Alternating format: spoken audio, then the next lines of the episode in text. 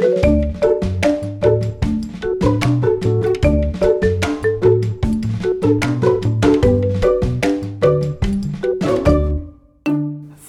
sedan gjorde vi ett avsnitt av Blödigt värre där vi talade om äldre personer med blödarsjuka. Jag träffade en man i 70-årsåldern med svår hemofili A och han beskrev hur han som barn tillbringat halva sin tid på sjukhus med svåra smärtor och där den enda behandlingen han kunde få var blodtransfusioner.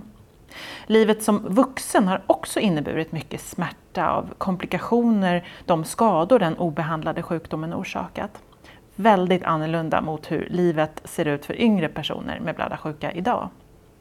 Men det är en sanning med modifikation. För det som är standardbehandling i Sverige är det inte i många andra länder.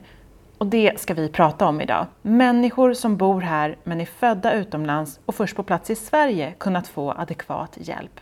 Välkommen att lyssna. Jag heter Johanna Pausdal. Idag är jag på Karolinska Universitetssjukhuset i Solna på koagulationsmottagningen där Maria Magnusson är sektionschef. Hej Maria! Tack för att du fick komma hit. Ja, tack för att jag blev inbjuden. Det är här som blödarsjuka i Region Stockholm får sin specialistvård. Men inte bara stockholmare va? Nej, vi får ju patienter från stora delen av Mellansverige och även norrut i Sverige. Vad innebär det då? Hur många patienter är det? Vi har ungefär 450 patienter med hemofili A och hemofili B och eh, drygt 200 med von Willebrandts sjukdom. Men sen har ju vi också patienter som behöver utredas för blödarsjuka eller blödningsrubbningar. Vi har de med blodproppar och så har vi en jättestor konsultverksamhet där vi stöttar kollegor kring blödningar och proppar. Idag ska vi prata om personer som kommit hit till Sverige med obehandlad blödarsjuka. Hur många skulle du säga att det rör sig om här på Karolinska? Så vi kan ju inte säga exakt hur många, vi har inga sådana register, men däremot så kan vi väl uppskatta att det är ungefär en till fem patienter, om vi räknar in både vuxna och barn, per år som kommer som nya till vårt center från andra länder. Vad kan du säga om dem då? Vad är det för åldrar till exempel? Jag skulle säga att det vanligaste är barn och unga vuxna. Vilka länder kommer de från? Ja, men hela världen. Det blir ju ganska mycket att det följer, kommer det många flyktingar från en viss region, då är det även hemofiliker som kommer från den regionen. Så det kan variera över tid. Vad, vad, har ni sett hos de här patienterna som, som kommer hit? Då? Vad kan du berätta lite om det? Det skiljer sig förstås väldigt mycket åt mellan olika patienter. Men eh, många har ju fått allvarliga blödningssymptom väldigt tidigt i livet och kunnat haft långvariga blödningar som de inte har kunnat få ordentlig behandling för med långa sjukhusvistelser. Och eh, det har kunnat vara munblödningar, eh, blödningar efter operationer, magblödningar och sen när de har börjat gå och röra sig mer så, så har det varit ledblödningar och muskelblödningar, upprepade blödningar i, i liksom samma leder som har lett till ledskador. Vad vet ni här om behandlingsläget i de, ja, de många olika länder som de mm. kommer ifrån? Då? Det är ju väldigt svårt att veta. Man kan inte säga bara på ett visst land vad vi kan förvänta oss, vilken behandling de har fått just där. Det finns eh, rikare länder som inte använder så mycket profylax. Det finns väldigt fattiga länder där man trots allt, vissa patienter kan få tillgång till mer behandling. Så att vi måste fråga patienten hur deras situation har varit och kan inte förutsätta någonting. Nej, och det kanske kan vara olika behandlingar i olika områden i de här länderna också, att det skiljer sig liksom mellan områden? Ja men så är det ju, så är det ju väldigt mycket. Vi ser ju att en del patienter behöver resa ganska långt inom sitt land eller till ett grannland för att få tillgång till behandling eller vid behovsbehandlingar när de har haft allvarliga blödningar. Mm. Jag måste fråga, kan det inte vara så att det till och med inom EU kan ha varit svårt att få rätt behandling ibland? Jo, så är det ju. Och World Federation of Hemophilia de ger ut en, en regelbunden rapport om hur behandlingsläget är i världen. Och där ser man ju skillnad mellan olika länder. Och där man pratar om att profylax för de som är 0 till 18 år i Frankrike ligger någonstans kring drygt 70 procent. Medan till exempel Ukraina och eh, Tyskland, och för all del Sverige, där ligger det ju på 100 procent. De uppskattar ju också att ungefär 40 procent av länderna konsumerar 6 procent av de faktorkoncentrat som finns i världen och de rikare länderna över medelinkomstländer och höginkomstländer, de förbrukar 94 procent av all faktorkoncentrat. Så att även om vi nu ser att allt fler patienter som kommer hit har fått doser med faktorkoncentrat innan de kom till Sverige, så är ju antalet doser per blödning, om de får vid behov, skiljer sig mycket för vad de skulle ha fått här. Eh, och har de fått profylax i sitt land kan det ju vara en lågdosprofylax eller en glesare profylax än vad vi skulle ha gett här. Så att även om man säger att mer mer personer i världen får tillgång till faktorkoncentrat, och det har ju ökat de senaste åren väldigt mycket, eh, så är det ändå så att liksom en optimal hemofilibehandling är ju svårt att få i stora delar av världen. Det här är ju förstås både sorgligt och upprörande att behandlingsläget ser så olika ut mm. runt om i världen. Att inte blödarsjuka självklart ska kunna få profylaktisk behandling oavsett var man råkar vara född. Mm. Men när de nu inte har fått det och det uppstått komplikationer, vad kan ni göra för dem nu förutom det, ja, det rent profylaktiska då? Mm. Ja, men det vi kan göra framförallt det är ju att förhindra liksom nya blödningar eller att behandla blödningar som uppstår eh, när de kommer. Men sen genom att sätta in profylax i Sverige så kan man behandla bort inflammationen som kan vara i leder i stor utsträckning. Eh, det tar ett ganska långt tag för oss att riktigt se att vilka kroniska ledskador ser vi hos de här patienterna. Det tar ungefär ett år innan vi får någon slags, eh, vi ser basnivån och, och kan riktigt se vad, vad behöver de hjälp med sen på sikt. Så att de kommer med, med mm, mycket inflammationer och vissa av dem kan faktiskt är inte så kroniska som man kanske kan tro. Man kan förbättra situationen. Det är ju så när man får eh, skador i sina leder, det kan komma väldigt tidigt om man inte får tillgång till profylax. Det finns en kinesisk studie där ungefär 40 procent av barnen som hade fått lågdosbehandling, profylax eller vid behovsbehandling hade ledskador eh, redan mellan 5 och 10 års ålder.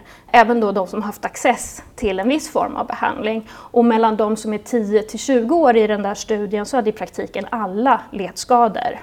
Men när de kommer till oss, om de inte har fått behandling, då har de ju ofta såna kroniska synoviter, inflammationer i lederna med svullna leder, svårt att röra på lederna. Det kan vara en eller flera sådana leder som är påverkade. Och skelettskador är, är svårt att göra någonting åt om de har så allvarliga förändringar och de kommer vara kvar på sikt. Men däremot den inflammationen som är i ledkapsel och så, det brukar kunna gå tillbaka om vi ger ordentlig behandling. Men det kan vara svårt att veta vad som är vad i början. Och där har vi ju jättemycket hjälp då att vi har väldigt duktig sjukgymnast som kan göra ultraljud och, eh, och följa processen och se att vi ligger rätt i behandling och så. Så det är viktigt och det är en viktig utvärdering på sikt också. Och när det kommer nya läkemedel så, så kanske vi kan komma ännu längre i det här.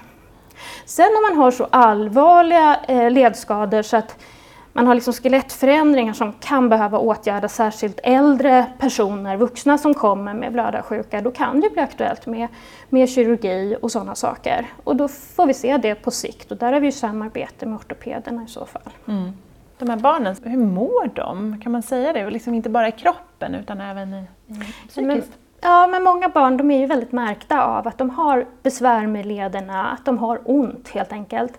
Men också att de är hindrade i att, att leka med kompisar, att göra roliga saker helt enkelt. Så vi ser att många av de här barnen när de kommer till Sverige och har mycket besvär, att de är väldigt allvarliga och inåtvända. Och det är ju helt fantastiskt när det har gått ett år med profylax de har ett bättre ledstatus, de, många mår ju mycket, mycket bättre. Att de blir mycket öppnare, eh, sociala. Att då blommar personligheterna ut och, och, de börjar kommunicera mer och berättar om vad de har gjort med sina kompisar. Och det är fantastiskt att se.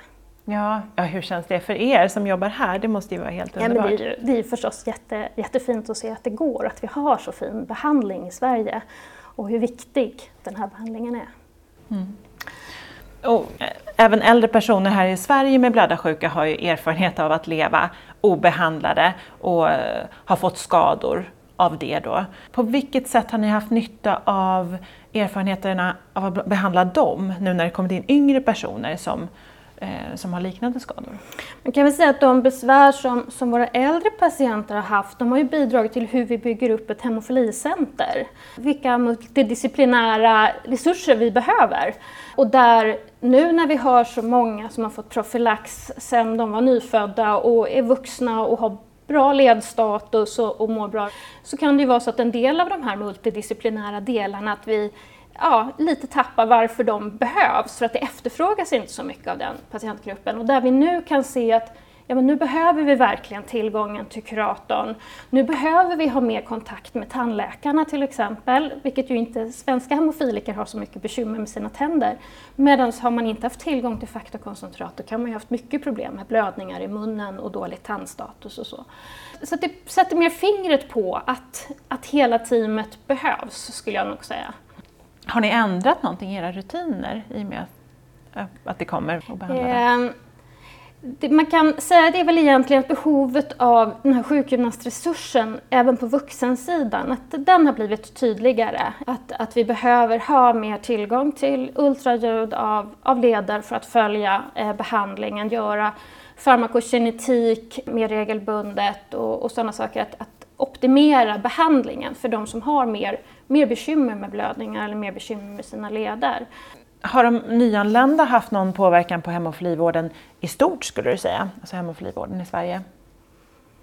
Nej, inte, inte i stort skulle jag kanske inte säga. Men just det här med, med att, att tajta upp teamen, att se till att vårdkedjorna fungerar bra. Där kan man nog säga att de bidrar till att vi, vi behöver se över det hela tiden. När vi har eh, välbehandlade patienter som kan väldigt mycket om sin sjukdom, då kan ju de också informera när de kommer in på sjukhus, de vet hur de får tag på oss, kontaktvägar fungerar, eh, de vet mycket de själva ska behandla. Medan eh, när man kommer från ett annat land, de inte kan vårt eh, system och, och, kan ha svårt att kommunicera liksom, på svenska, då är det viktigt för oss att nå ut med information i landet hur den här de här patienterna ska tas om hand och att allting fungerar. Mm. Så kanske att det liksom skärper upp vården, att det ska flyta bra. Och det får ju våra vanliga patienter också nytta av förstås. Ja.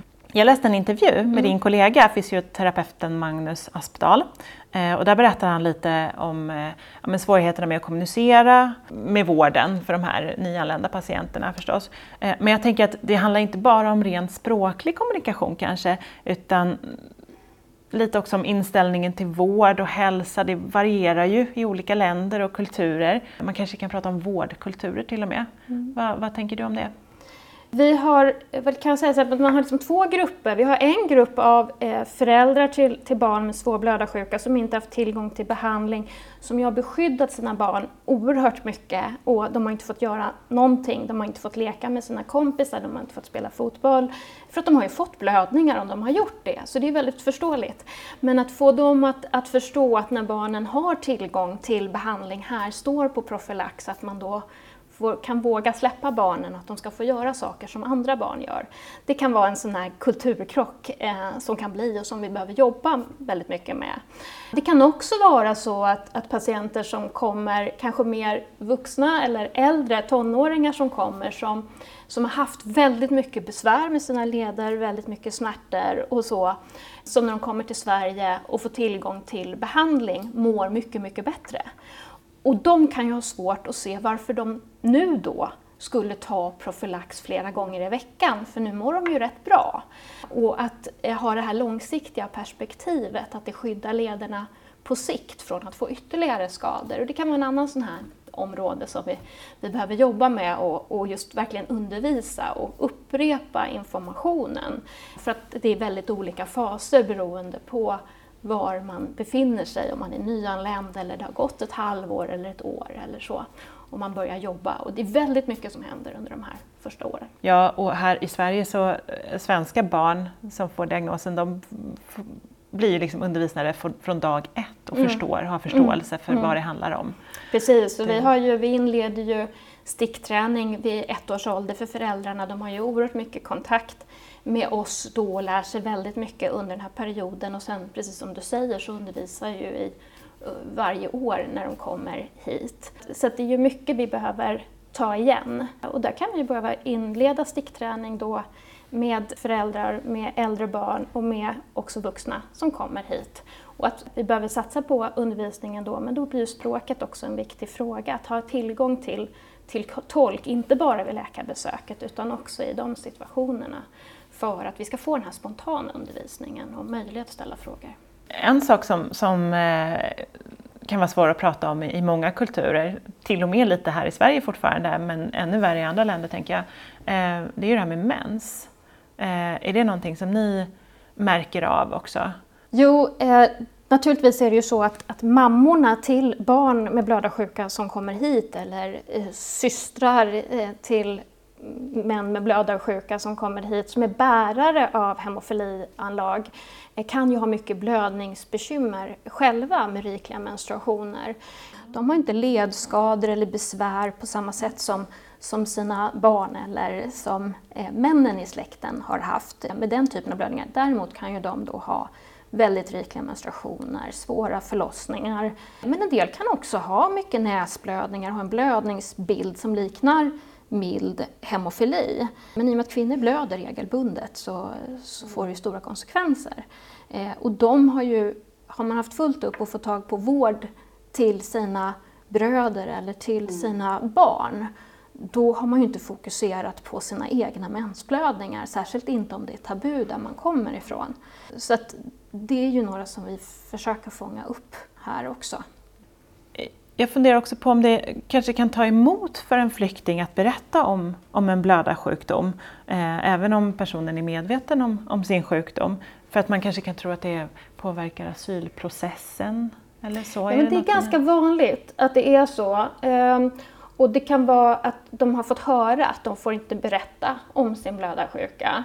Då och då så är det patienter som ligger inne på avdelningar eh, som man tror att det kan vara någon reumatisk sjukdom eller att det är en allvarlig knäskada eller någonting sånt. Men när man sätter sig i lugn och ro så brukar det framkomma att det är blödarsjuka och att de kan rätt mycket om sin, sin sjukdom. De flesta som kommer hit med blödarsjuka de har ändå fått diagnosen innan de kommer hit. Okay. Kan de här nyanlända patienterna bidra till forskning till exempel för att bättre förstå och behandla de här sjukdomarna? Ja, absolut. Och där kan det ju vara svårt med forskning precis när de är nyanlända. För, för att kunna delta i forskningsstudier så behöver man ju kunna svenska, man måste förstå systemet och vi måste ha kommit till ett lite mer stabilt läge. Det beror förstås på vad det är för studie, men om man tänker sig läkemedelsstudier eller Eh, så. Men sen naturligtvis så är det när vi provar nya behandlingsmetoder, mer långverkande preparat eller för all del genterapi i framtiden så kan vi ju se att det här kan vara grupper som har väldigt stora effekter av att få nya läkemedel. Kan du berätta om, om något eller några av de projekt som ni jobbar med här hos er? Mm. Jag kan nämna att vi har haft ett, ett, eh, studentprojekt som nu håller på att komma ut på sikt i, i publikation, men, men, där man tittade just på hur det skilde sig mellan de som har fått profylax från att de föddes, eller första året, till de som har kommit och fått det senare i livet på barnsidan. Och där såg man ju att, att de har som förväntat visserligen, men mer problem med leder när man tittar på den här HJHS ledskår som vi brukar titta på, men också när man tittar på, på ultraljud. Och det stärker ju att, att se vilket, vilka behov de här patienterna har, men också behovet av att, att ha en bra profylax tidigt i livet. Mm. Hur fungerar det förresten med vården för de som bor på flyktingförläggningar eh, eller, ja, eller andra anvisade, anvisade boenden? Eh, de kan ju ligga jättelångt bort från landets olika koagulationsmottagningar. Ja, så är det. Där behöver ju vi eh, ha dialog med flyktingförläggningarna och vi behöver ju diskutera det med patienterna i vilken grad vi liksom kan ha sekretess, eh, vad vi får berätta och inte. Eh, men de flesta är det rätt så tryggt att de på flyktingförläggningen vet och känner till deras sjukdom och vi kan ge information. Men där kan vi säkert göra mer med broschyrer och annat till, till flyktingförläggningar för att öka kunskapen om det här.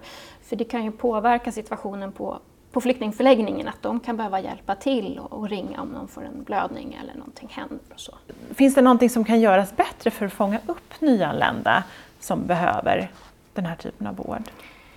Det är väl bra, tror jag, att, att man från myndigheter förstår eh, att de här patienterna kan ha väldigt särskilda behov eh, som underlättar. Om vi har Sätt igång med stickträning eller profylax eh, eller att vi har en tät vårdkontakt och har börjat etablera eh, kontakt, då kan det vara väldigt olyckligt att den personen plötsligt behöver flytta till ett boende någon annanstans i landet. Eller, eh, det kan krångla till tillvaron. Som sagt, många får flytta ganska mycket under första åren i Sverige mellan eh, både flyktingförläggningar eller lägenheter och så innan det stabiliserar sig. Och ibland kan det vara problem att man från SFI, som är ju jätteviktigt förstås att gå på och komma in i språket, men ibland kan man ju behöva komma hit och det kan finnas en oförståelse för det och det kan ju påverka hur ekonomin ser ut. Eh, för att om de inte går på SFI som de ska, då får ju de avdrag på sin ersättning. Så kommer de hit för stickträning av sitt barn till exempel och måste vara här en till två gånger i veckan, då kan de få problem med sin försörjning under den tiden. Och också vara oroliga för hur det påverkar deras flyktingsituation, om deras möjligheter att stanna i Sverige.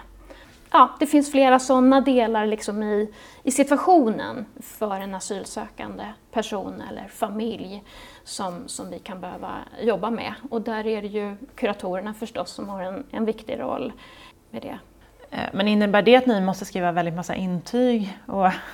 ja, det är rätt många intyg i början och informationsbrev om blödarsjuka. Och vi, brukar, vi har eh, också informationsmaterial på olika språk där halva är på svenska och halva är på, ett, på personens eget språk. Så att de ser vilken information som som då man kan läsa på svenska delen så det blir exakt samma.